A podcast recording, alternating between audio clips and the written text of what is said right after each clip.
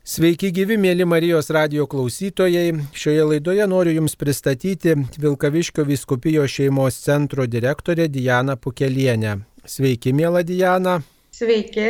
Su šventomis Velykomis sveikiname Jūs ir visą šeimos centrą ir visus, aišku, Lietuvo šeimos centrus, visas šeimas, nes visą Velykų aštuondienį galima sveikinti vieni kitus ir, aišku, džiaugtis tuo Velykų džiaugsmu iki pat sėkminių visą Velykinį laikotarpį.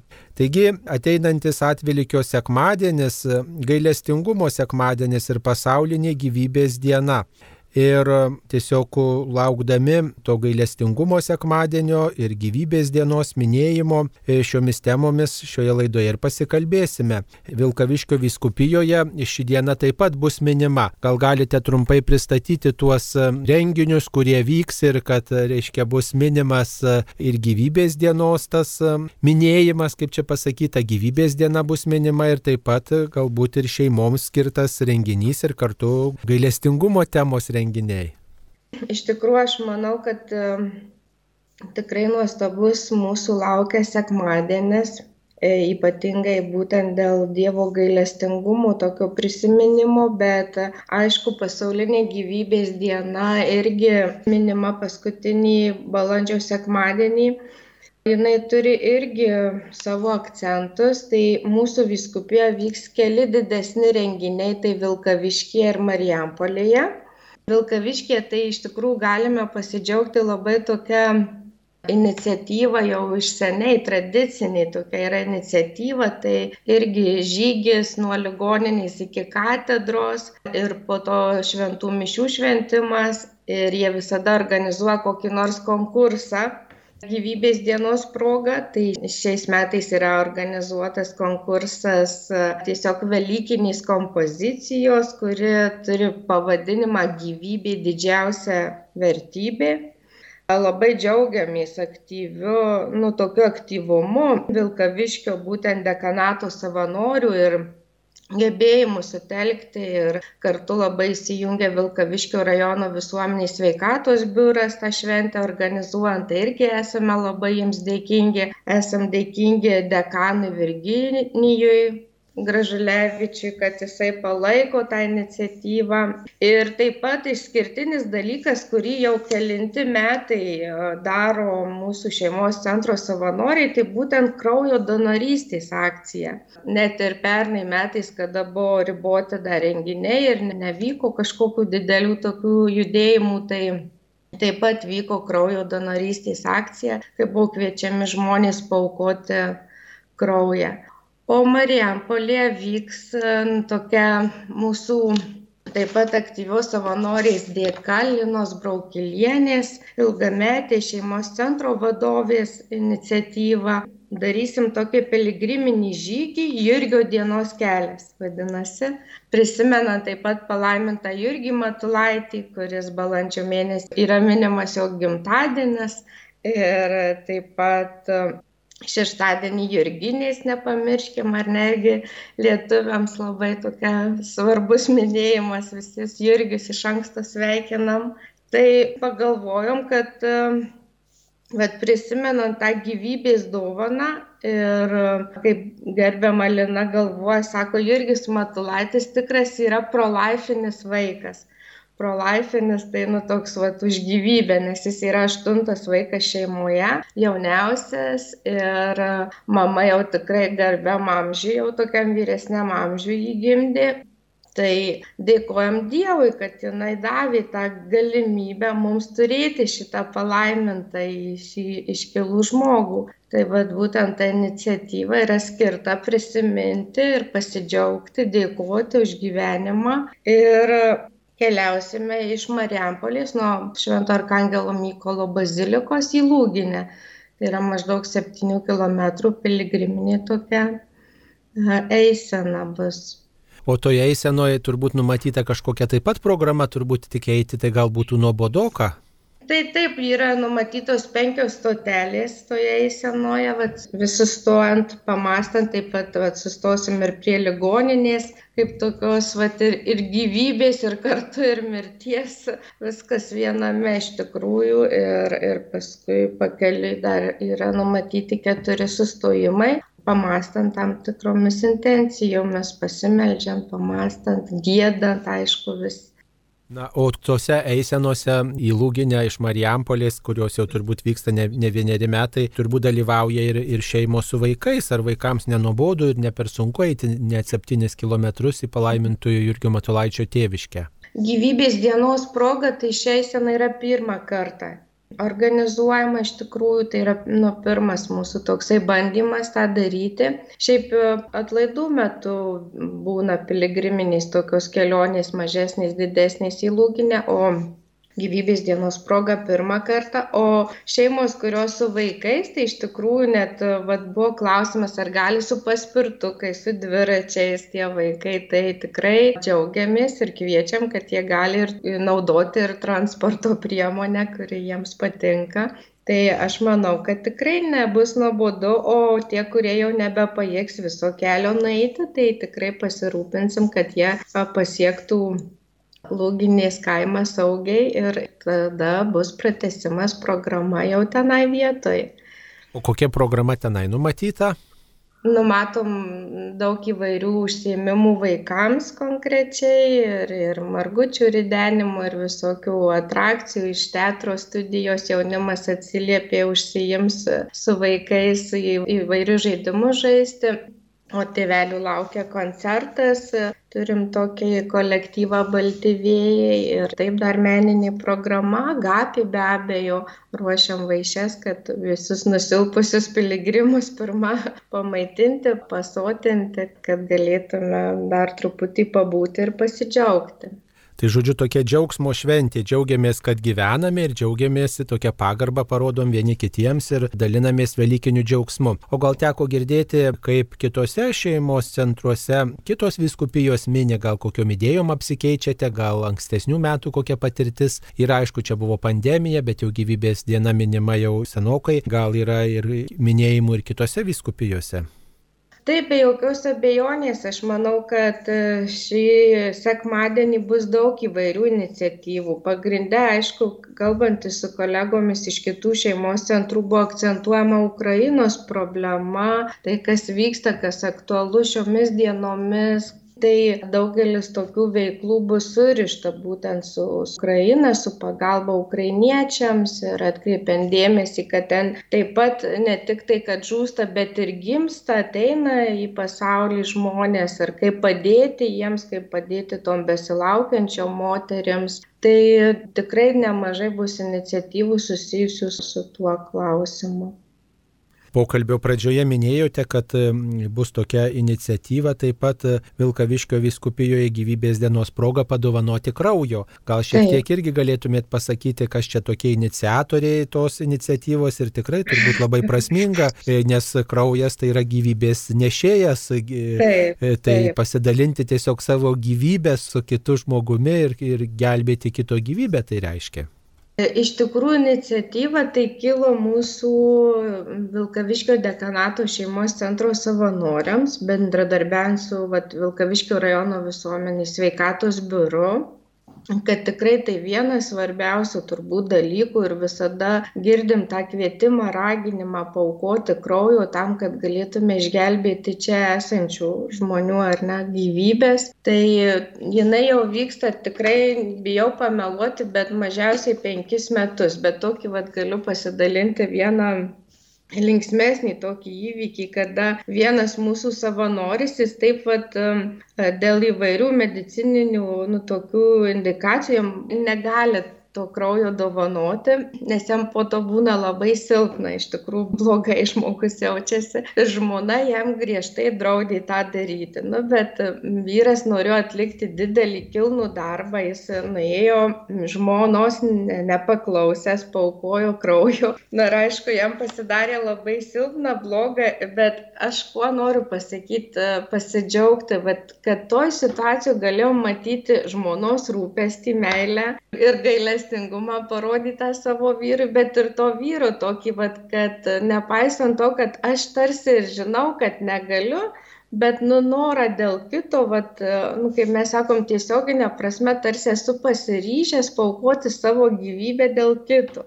Aišku tiesioginės grėsmės jo gyvybei nebuvo bet nu žmogus tikrai kelias dienas dar turėjo sveikatos nu sutrikimų problemų bet nu aš manau kad nu mes visi vat jeigu turėtume tokį užsidegimą ar ne dėl kito padaryti kažką nors man gal skaudės man gal bus blogai bet nu va tas noras pasiaukoti tai nu tiesiog tikrai gražių dalykų vyksta tam vilkavišky ir tikrai visus kviečiu raginu kai tik pamatysit nebūtinai šeimos centrai tai gali organizuoti ar šiaip kvietimą paaukoti kraujo manau kad tai tikrai labai prasmingas būtų veiksmas Taip, gyvybės dienos šventimas turbūt neatsiejamas yra nuo šeimos tradicijų ir turbūt laimingiausia ta šeima, kuri gerbė gyvybę nuo jos e, prasidėjimo iki natūralios mirties. Tačiau jūs dirbdama šeimos centre turbūt su visokiais atvejais susidurėte ir girdite, kad e, ne visos šeimos turbūt laukia tos ateinančios gyvybės ir ne visos šeimos rūpinasi savo tais nusenusiais, lygotais šeimos nariais, gal kai kurie nori net jų ir atsikratyti, gal čia irgi iš tos ryties turit ką nors papasakoti, pasidalinti kokią mintimi? Aš tai esu dėkinga iš tikrųjų kažkaip vat, Dievui už tai, už, už savo gyvenimo kelionę ir mano pirma specialybė iš tikrųjų yra kušerė aš esu baigusi akušeriją ir kai būni studentas tai labai daug dalykų nu vat tuo metu kai esi jaunas tau viskas atrodo nu neturi tokios vertės kokią paskui galbūt įgyji su patirtim. Bet aš esu dėkinga dievui kad būtent nuo tų pirmų tokių prisilietimų prie žmogaus gyvybės atėjo tas gyvybės vertės pajautimas supratimas. Ir gal irgi norėčiau pasidalint tokiu vat kas man visada yra argumentas už gyvybę, tai tiesiog irgi buvo taip, kad studentai tekdavo slaugyti moteris po jau nu, neštumo nutraukimo operacijų, ar ne? Ir viena moteris tikrai inteligentiška, graži šeima, turėjo du paauglius vaikučius ir laukėsi trečio. Ir grinai dėl šeimos sprendimo buvo, nu, vat, vaikų nepalaikymo, vyro nepalaikymo, buvo priimtas toksai sprendimas atsisakyti tos gyvybės. Ir pats įsimintiniausias momentas, kad vat pabunda po narkozės ta moteris ir jinai vat pamačiusi mane užduoda paprastą klausimą, atrodo, bet kuris įsminga iki širdies gelmių, jinai klausia, kas buvo, sūnus ar dukra ir tada tu suvoki kad tas žmogus iki gyvenimo pabaigos nugyvens su tuo klausimu nes nu suprato kad nu dabar vyksta čia diskusijos kad čia gal ląstelių ten gumulas ten dar kažkas čia ne žmogus. Bet aš matydama tas moteris puikiai mačiau kad jos suvokia kad iš tikro tai yra žmogaus paaukojimas žmogaus atsisakymas o toks linksmesnis atvejis tai irgi tenka konsultuoti kriziniam nėštume esančias moteris. Tai irgi turėjau tokią nėštukę pradžia nėštumo ir jinai ateina dalinasi savo potyriais pojūčiais ir aš taip kažkaip galvoju nu ir aš taip pat panašiai jaučiuosi kaip jinai ir ir man kažkas tokio nu vat. Tai būtent per tą moterį sužinojom kad mes laukiamės trečio mūsų vaikelio mūsų joanos. Ir irgi kartu su ja paskui ėjom tą vat ir ir nėštumo tą visą kelionę. Mėnesio laiko skirtumas yra tarp josios sūnaus ir mūsų dukros ir užsimezgė tokia graži draugystė kad nu dabar ir gimtadienius kartu švenčiam ir ir jinai labai džiaugiasi kad nu turi sūnų nors aišku kad ir vieniša mama bet nu va tas gyvybės dvelksmas džiaugsmas įprasminimas gyvenimo tikrai nu nuostabus yra dalykas O per jūsų medikės patirtį ir taip pat patirtį šeimos centre gal pavyko kokią nors šeimą, kokią nors moterį atkalbėti nuo neštumo nutraukimo, nuo to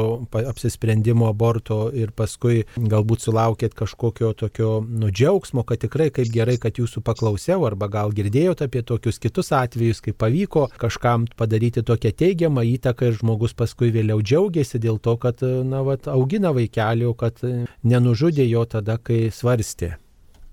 Nu, tokių istorijų iš tikrųjų, nu, ne vieną esu girdėjusi, kada, nu, žmogus pasidalina kažkuo ir vien tik tai gali būti tai neutralus dalykas, kad, vat, nebijok, aš tau padėsiu, ar ne? Ir kartais užtenka to vieno tokio sakinio, kuris leidžia žmogui suprasti, kad aš nesu vienas tame sunkume, kuris mane ištiko, ar ne? Ir tai gali išgelbėti gyvybę. Taip pat, aišku, labai daug liūdimų yra per maldos akciją, kada yra melžiamasi už tuos negimusius kūdikius, kas nors pasiaukoja, net nežinau nežinodamas nei moters, nei tos situacijos, nei nieko, tiesiog vat, gali prisijimti tą dvasinę tokią motinystę, palydėjimą, moters, kuris varsto apie neštumo nutraukimą ir jinai atsisako tos idėjos ar ne ir pagimdo ir džiaugiasi. Tai tikrai ne vienas toksai atvejis yra ir ir apskritai aš galvoju galbūt šiandieninė žmogaus problema yra baimė tos kančios kažkokios ar ne kurios tu dar nežinai bet nu vat ir mano gyvenime yra tų situacijų buvę tikrai ir sudėtingų labai bet supranti kad dievas duoda kančią bet duoda ir pagalbą. Jisai niekada nepalieka tavęs vieno jisai visada siunčia nu tikrai praeini sunkumus, kurie atrodo iš šono žiūrint nepakeliami, bet tu eini tarsi, nu nežinau, tarsi neša tave kažkas ant rankų tuose sunkumuose.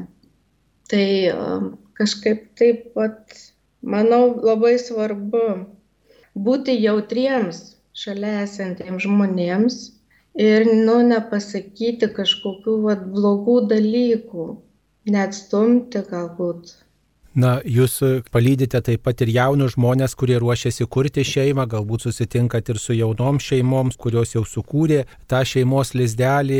Ir kaip manote, ar jaunos šeimos, jauni žmonės priima bažnyčios mokymą apie gyvybės puoselėjimą, apie tą gyvybės vertę ir apie litiškumą, litiškumo dovaną, apie tą pagarbą litiškumui ir taip pat rūpesti tuo žmogumi, kuris yra varginamas senatvės, lygos ar kokių kitų sunkumų nes rūpestis gyvybė yra ne tik tai ta negimusia, ne tik tai ką tik gimusiu vaikeliu, bet ir tuo, kuris yra neįgalus arba jau visiškai, taip sakant, tokio garbaus amžiaus sulaukęs arba visiškai nusilpęs. Tai kaip tie jauni žmonės priima va, tą mokymą, tą pagarbą vis dėlto gyvybei. Labai įvairiai priima. Aš manau, kad nu, tas mūsų susitikimas jis iš tikrųjų toksai epizodinis tų žmonių gyvenime. Nu, ir jeigu pasiseka, Dievas duoda, jeigu jie turi papildomus kažkokius kitus impulsus, tai dirba yra pakankamai gera pakeisti tą požiūrį. Kalbant apie gyvybės dovaną, iš tikrųjų, kaip bebūtų keista, didžioji dalis, pavyzdžiui, jaunų žmonių tikrai nepritarė neištumų nutraukimui. Vat tiek, kiek va tenka dirbti su sužadėtiniais, jie sako tai labai nuoširdžiai, ne dėl to, kad taip turėtų kalbėti. Labai apie senatvės ir lygos problemas toj programoje mes nesigilinam, tik nebent iš tos perspektyvos, kad va jeigu tavo žmona ar tavo vyras, nu, patirtų kažkokį ten traumą, ar, ar taptų neįgalus, ar susirgtų, kaip tu reaguotum, na, ar tu apsijimtum slaugyti, ar ne, nes iš tikrųjų būna, kad ganėtinai greitai ištinka įvairūs ar lygos išbandymai, tiek vėžiniai susirgymai dabar, ar ne, dažnas atvejis yra. Tai, nu, kaip, daugelis sako, kad, nu, nepalikčiau, rūpinčiausi ir kad man tai svarbu, ir, nes net yra tokia kaip potėmė, vad, lygoje galvoje, kaip tu elgtaisi, jeigu tavo tas artimas žmogus susirgtų. Bet visi dažniausiai sako, nu, bet kai bus, tai tada ir spręsiu, ar ne? Kol dar nėra, tai čia, nu, toksai tik tai būna pasvarstymas apie kažką, bet ne, ne konkretus veiksmas. Tai nežinau, aš iš tikrųjų kažkaip um, matau ir gražių pavyzdžių. Pavyzdžiui, mūsų vieni buvę sužadėtiniai. Iš tikrųjų, net ir dabar mes bendraujam, matom, kaip jie rūpinasi. Yra konkrečiai vyro neįgalus tėtis, jisai po insulto tiesiog ant patalo, bet jie netiduoda jo niekur, nei slaugą, nei kažkur, va tikrai jau dabar mes bendraujam su jais koksai septyni metai, va, matai ir jų nuovargį, matai ir jų skausmą, bet ir matai jų pastangą, kaip jie stengiasi, va, ne tik tik kad parūpinti būtiniausiais dalykais, bet, pažiūrėjau, ir, ir jį išsiveža, ir į koncertą kažkur atsiveža, ir, ir, ir ten į stovyklą buvo atsivežę. Nu, tikrai, kad tas žmogus dar kiek jis sugeba, kiek jis gali, kad patirtų tų teigiamų emocijų šitam gyvenime ir toj vat kančioj, kurioje jis nuolatiniai yra.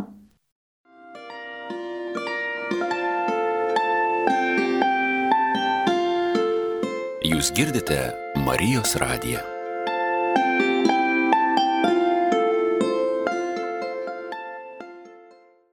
Bet vis dėlto dar turbūt yra viena šita sritis, apie kurią tikrai daugeliu žmonių vertėtų daugiau pagalvoti ir apie kurią turbūt reikėtų gal bažnyčiai daugiau kalbėti. Tai yra eutanazijos sritis. Eutanazija reiškia lengvą tokį ir neskausmingą gyvybės nutraukimą, ypač kai žmogus kenčia nuo kokios nepagydomos lygos, senatvės ar panašiai. Ir kai kas sako, kad vat, na, va, tokio žmogaus kančių nutraukimas ir yra gailestingumo parodimas. Ką apie tai galėtume pasakyti, ar tiesiog kalbatės šitom temom?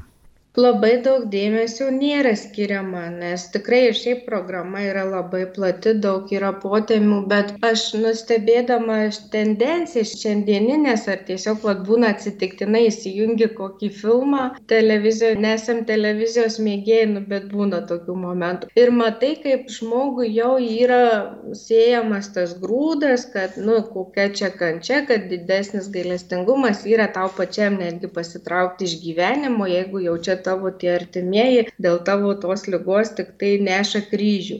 Tai mano asmeninė nuomonė, aš su tuo nesutikčiau ir tikrai čia yra laukas, kur reikėtų daugiau kalbėti, daugiau dirbti, nes, nu, kaip pastebėjimas tikrai yra žmonės bijo kančios nes visi nori sėkmingo, gražaus, lengvo gyvenimo ir niekas nenori sunkiai dirbti, kai aš sakau. Net ir šeimoje, jeigu nori laimingos šeimos, ką reikia daryti? Reikia sunkiai dirbti. Pirmiausiai pačiam su savim reikia sunkiai dirbti, nes, nu, va, tu esi tas dažniausiai toksai egoistas, kur jeigu ne pasaulis pagal mane, tai tada blogas pasaulis, ar ne? Tai tikrai plati dirva, kur vertėtų kalbėtis, vertėtų nukelti tas diskusijas, tokias viešas diskusijas, kad išgirsti, įsiklausyti ir bandyti vieniem kitus suprasti tuos argumentus, nes visi mes turim vienokių ar kitokių argumentų, kodėl vienaip ar kitaip mastom. Bet tik tada, kai išgirsim vieni kitus, manau, kad gali būti kažkoksai pokytis Nes ir su tais sužadėtiniais, kai bendrauji, tai ne tada jie atsiveria, kai tu jiems tik tai kalbi, bet labiau jie atsiveria, kai tu jų labiau klausai. Ir parodai, kad išgirdai ir supranti, kaip jie galvoja. Ir nesakai, kad, o, jūs kokie blogi, jūs ne, ne taip galvojat, ne taip mastot bet per tą prieimimą galbūt, nes, nu, aš kažkada irgi buvau jų vietoje, ar ne, aš neužaugau tikinčioj ten pamaldžioj šeimoje, kur man iš karto įdėgė visas vertybės ir davė šitą supratimą, kurį šiandien turiu. Ar ne, tai, tai esu dėkinga, kad, nu, pirmame etape mane priimi tokia, kokia aš esu galbūt klaidingai mąstančią, galbūt netinkamai besielgiančią, bet, nu, net stūmi, ne, nepasakė, oi, tu čia, Diana, žinai, esi blogas žmogus ir, ir turi staigiai pasikeisti. Nu, aš pasikeičiau per 20 metų maždaug ir tai dar matau, kur galiu tobulėti. Na tai keistis, aišku, mums visiems svarbu ir į tobulumo pusę, ir ypač svarbu turbūt keistis ir prisitaikyti prie kito asmens šeimoje, ir ypač, na, galbūt ir išgyventi tokį gailestingumą, jautrumą, švelnumą kitam žmogui. Nes turbūt be gailestingumo mūsų šeimos iširtų ir, ir mes vienas kito negerbtume ir vis dėlto nebūtų tos pasiaukojančios, dovanojančios meilės patirties šeimoje. Ar apie tą atleidimą vienas kitam tenka kalbėti su, su žadėtiniais ir su šeimomis? Taip, be jokios abejonės, turbūt e, tokia labiausiai paliečianti ir kai aš sakau, nu, vat yra programos viduryje atleidimo tema ir aš manau neatsitiktinai jinai yra vat būtent tuo momentu, nes tai ir būna tas lūžis, kada jau tu pereini nuo to, vat, nuo tokio pasaulinio mąstymo į tą tokį, vat, link Dievo vedantį mąstymą, nes atleidimas be Dievo pagalbos, aš apskritai manau, kad sunkiai suvokiamas dalykas yra. Pirmiausia vat žmogiška reakcija yra kokia? Aha tu man taip tai aš tau taip ar ne? Nu natūraliai mes jeigu tu negalvotum nesivaldytum visada spontaninis veiksmas yra kad nu aš tau atsilyginsiu. Ir atsilyginsiu toli gražu ne švelniais žodžiais ar ne? Tai taip apie atleidimą mes tikrai labai daug kalbam tikrai ir, ir abudu su vyru turim ką paliudyti toje atleidimo temoje ir dažniausiai paliečia tuos jaunus žmonės, nors, pavyzdžiui, paklausia, ar yra dalykų, kurių negalėčiau atleisti. Nu, tai visi kaip šimtų procentų neištikimybės negalėtų atleisti. Nu, bet, bet ir ta ištikimybė, kaip ją pasiekti be Dievo malonės, ar ne? Nu, vat, kas gali garantuoti už save, nu, aš, aš net už save šimtų procentų negaliu jokių garantijų duoti. Tai kas tau gali duoti tą šimtoprocentinę ištikimybės garantiją? Siekiamybė, taip visi esame kviečiami į ištikimybę, bet nu ir savo parašym, nu priesaiką užbaigite, padeda man Dievas. Jeigu jis man nepadeda, nu tada aš manau, kad laukia sunkesnis kelias. O gal ir tos šeimos, kurios nu, nemoka atleisti arba nesistengia atleisti, tiesiog greitai įsiskiria gal. Ir dėl to tai yra, nes tos šeimos nu, nesiremia tikėjimu, tas Dievas yra tik tai kaip e, šventinis priedas kažkoks e, šeimose ir mes tikrai neišgyvenam, kad Dievas mūsų pasigailėjo, tai ir mes turim kitų pasigailėti. Gal dėl to ir tų skirybų tiek daug yra, kad mes nesuteikiam to kito šanso žmogui ir iš kito laukiam tobulumo ir nepriimam kito, nu, tokio klystančio ir, ir nesistengiam klyjuoti to šeimos žydinio. Taip, tenka konsultuoti šeimas ir pagrindinis, vat, pavyzdžiui, kada kreipiasi šeima pagalbos. Numatai, kad jau tas nuoskaudų toksai šulinys jau per viršų viskas lipa. O nuoskauda tai ir irgi jinai pasilieka, kai nėra atleidimo. Bet čia aš matau problemą ne tik, kad mes neatleidžiam tam kitam žmogui, kuris yra šalia mūsų, bet yra tas didelis neatleidimas ir pačiam savo. Mes daug kalbam apie atleidimą kitam žmogui, bet apie atleidimą būti gailestingu pačiam savo. Nu, vad suklydau. Ir kas tada prasideda? Saviplaka prasideda, ar ne? Nu, tokia begalinė. Tikrai eina žmogus, kai aš sakau, per žaryjas tada jau. Jeigu aš suklydau, reiškia, ir dabar vat, mes stebim savo vaikus ir mokykloje ypatingai nu vat vaikai karta nauja auganti. Jie nori viską padaryti iš karto ir be klaidų. Nu vat jeigu nesigauna iš karto ir gerai tai tada nu matai tą jojo tokį vidinę kančią nepasitenkinimą kaip čia dabar taip atsitiko kad nu vat aš padariau ir suklydau ir man nepavyko ar ne? Ir tas net nenorėjimas pereiti per tai atleisti pačiam sau ir bandyti dar kartą tai nu vat irgi pripažinti aišku pirmiausiai tą savo klaidą atleisti pačiam sau ir tada bandyti dar kartą. Tai ir yra man atrodo pagrindinė va ta atleidimo tokia dalis vat leisti sau kartais suklysti nebijoti nes mes kai siekiam to tobulumo o dabartinis pasaulis išvis nu va toksai lyderių sėkmingų žmonių tobulų viską sugebančių ir viską darančių nuostabiai nu, kas, kas daro klaidas. Tada tie netobulėja, ne, kurie mums trukdo paskui gyventi tobulą gyvenimą. Taip, visos šeimos turbūt susiduria su tuo tokiu ir perfekcionizmo pavojumi ir taip pat savo tokiu silpnumu, savo tokiu bejėgiškumu. Ir kiek svarbus yra šeimoms vieni kitų palaikymas, bendrystė, buvimas ir veikla drauge. Turbūt girdite iš šeimų, kai jos dalyvauja stovyklose, išvykose, piligriminėse kelionėse, kokie tie liūdėjimai, kiek na, svarbu to krikščioniškom šeimom bendradarbiauti, vieniems kitus palaikyti?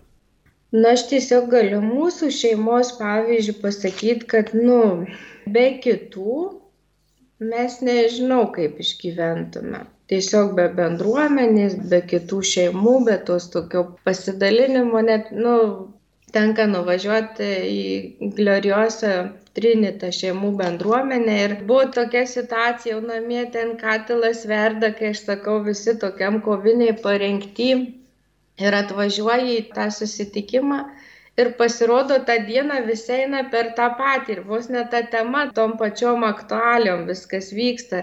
Ir tada tu vien tik kad supranti kad tu esi normalus kad viskas čia normaliai nes nu kartais atrodo kai esi pasilikęs vienas su savo problemom ir su šio savo šeimos problemom tai pradedi galvoti kad visi kiti tiktai gražiai gyvena kad visi kiti gyvena be sunkumų mes čia vieni tokie. Ir tada nu dar labiau labiau va ta izoliacija tokia gaunasi. Nu, kaip man labai patinka vienos tokios nuostabios moters pasakymas, KGB veikia. Nu, KGB tai kaltė gėda baimiai. Na, žinot, vat, kad kaip čia dabar gėda prieš kitus, čia prieš giminės baimė, kad tik nesužinotų niekas. Nu ir kas tada ir tas sėdi tam savo kalėjime, tose savo problemose ir tau jos niekaip neišsisprendžia nes nu niekur neišgaruoja kaip tik kartais vat sako nori nu nes tai yra kartu ir dvasinė kova. Tai nori tu jį ištraukti tai turi už ausų įgarsinti įvardinti sakyt va šėtone traukis iš mano šeimos aš nieko nebijau tikrai visi eina per sunkumus ir tie sunkumai šeimas augina nes nu tai normalu nėra čia nieko su manim blogo ir kad nepasiduosiu aš eisiu ieškosiu pagalbos eisiu kalbėsiu su kitom šeimom kaip jum sekasi kaip jūs tą praėjot. Ir tai yra išsigelbėjimo bet nu tokia galimybė. Bet aš pavyzdžiui dėl ko galvoju apie tuos mūsų nu sužadėtinius kuriuos ruošiam jie neturi tos aplinkos kurioj galėtų ateiti ir drąsiai sakyti dažniausiai jeigu tu nesi nu nepriklausai bendruomenei o draugai draugeliai tiktai tokie yra tai jie nepadės tau tame sunkume. Dažniausiai gali būti kaip tik kai aš sakau tas galutinis toksai kaištis kuris nu sugriaus viską. Nes pasaulis žiaurokas toksai žmonės tikrai nu be dievo gyvenantys žmonės vargiai ar norėtų ateiti taip lengvai tau į pagalbą ir ištiesti ranką kad tu nenukristum galutinai Tai gal ir reikalingas tas e, toks jaunų žmonių telkimas, pavyzdžiui, sužadėtiniai kartu lanko tuos kursus ir jie gal kažkaip tarpusavį galėtų ir toliau bendrauti, sukūrę šeimas, vieni kitus lankyti, susitikti ir dalyvauti, pavyzdžiui, ir šeimų stovyklose, išvykoje, piligriminiai kelioniai, kad tie jauni žmonės matytų tą krikščioniškų šeimų aplinką ir tai pamažu įsitrauktų į vairias bendruomenės, e, įgytų draugų ir vaikai, reiškia, matytų, kad na, va, yra krikščioniška aplinka aplinka, ne tik tai ta pasaulietinė aplinka šiam pasaulyje, bet ir taip pat ir tėvai galbūt tada turėtų galimybę dalintis tokia patirtimi, kaip auklėti vaikus. Tai gal reiktų kažkaip daugiau pajėgų mesti tai, kad tie sužadėtiniai, nu, praėję kursus, nu, neišsilakstytų, bet, vat, nu, tą pagarbą ir gyvybę ir, ir tą tikėjimo dovaną toliau puoselėtų. Yra tokių iniciatyvų iš tikrųjų, vat, pavyzdžiui, jeigu matai kad grupėj užsimezgė ryšys kad jie nes dažniausiai ateina visi su tom nuotaikom kad nu vat kam man čia reikia. Bet kai viskas baigiasi oi sako kaip gaila kad jau baigėsi ir galėtų dar tęstis. Tai tada pasiūlai sakai jeigu norit kad tai tęstųsi tai susitinkam visi jau kai susituoksit nu bent jau tam pirmam pasidalinimui tos šventinės dienos įspūdžiais pasidalinti, kaip praėjo tos jūsų vestuvės, kaip čia tas gyvenimas po santokos. Tai būna, kad atsiliepia žmonės. Tikrai turim tokių patirčių, kada vyksta tas tolimesnis bendravimas. Bet dažniau tai būna toks per asmeninį santykį jeigu pavyksta užmėgsti asmeninį santykį ir tada, kai sakom, pradedam draugauti šeimomis.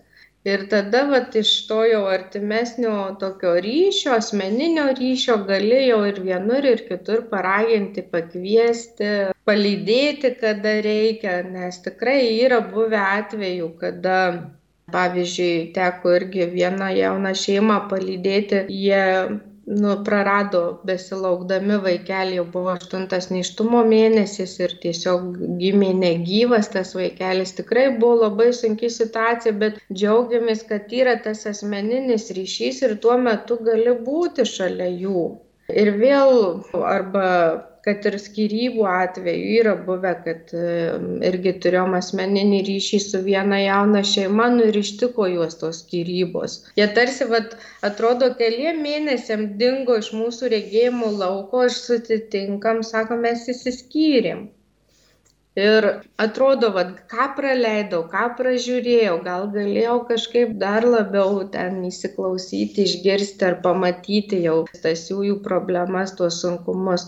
Bet nu vat net ir toj skyrybų krizėj nepalikti jų nepasmerkti ir ir nu vat išbūti su jais e, tam skausme tas kuris eina į tą santykį nu nes nu tikrai visko vyksta visko atsitinka gyvenime. Net pačius, kai aš sakau Dievas, nes pačius blogiausius dalykus mūsų gyvenime gali paversti gražiais. Tai per asmeninį ryšį daugumą, bet aišku, žinot, kai žmog, kiekvienas žmogus esam riboti, nu, tai ir, ir savęs, nu, va, kiek tavęs gali užtekti tam asmeniniam santykiui ir asmeniniam ryšiui. Tai džiaugiamės kad savanorių yra daugiau ne mes vieni ir kad tie savanoriai irgi turi savo tą vidinį kažkokį rezervą kiek jie gali dėl kitų pasitarnauti Šiais metais minime šeimoms skirtus metus ir meldėmės už šeimas ir meldžiamės įvairiomis progomis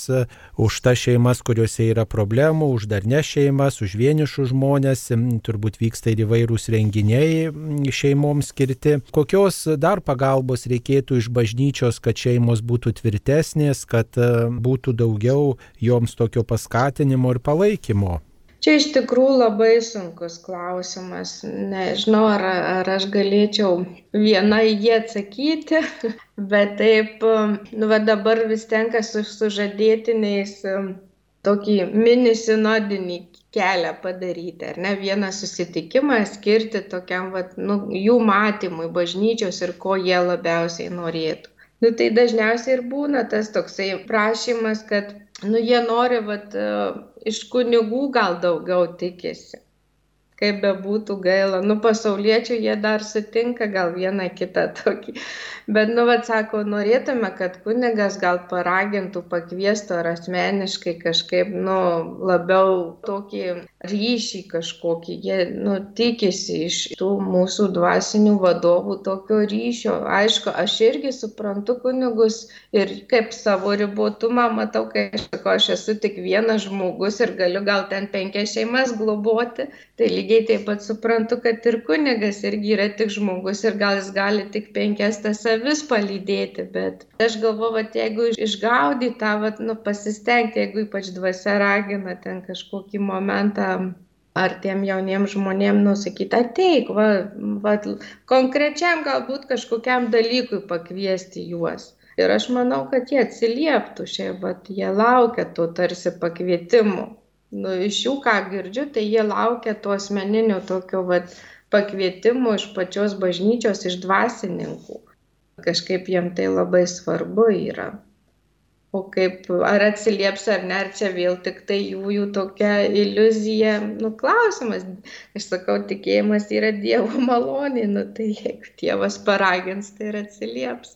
Svarbu kviesti, bet svarbu ir tiems žmonėms, kurie turi kažkokių lūkesčių, nebūti tik tai tais, kurie laukia, bet ir patiems galbūt kažkokios iniciatyvos imtis, ar ne, jeigu ten kunigas, žinot, vienus, antrus, trečius ar dešimtmetį vienas kunigas, paskui kitas bus, bet mūsų šeimos tai gyvena toj vietoje ir, ir jos tikrai gali ir kitoms šeimoms padėti. Tai Man atrodo, kad visa ta šeimų sielovada, pastoracija šeimų, tai tikrai daugiau remiasi pačių šeimų iniciatyvomis ir čia yra, na, vat, pačios šeimos vieni kitus palydė ir parsiveža visokių idėjų ir iš užsienio ir tos maldos grupės ir judėjimai visi daugmaž gimė ne dėl to, kad kunigas kažkoks tą paskatino, bet kad šeimos vat, matė, jog tai va tikrai gera ir vieni kitiems tą perduoda. Taigi turbūt reikėtų patiems ieškoti labiau pagalbos ir vieniems kitus labiau kviesti. Taigi, mėly Marijos radio klausytojai, šioje laidoje kalbėjomės su Vilkaviškio viskupijo šeimos centro direktorė Diena Pukelienė, kalbėjomės apie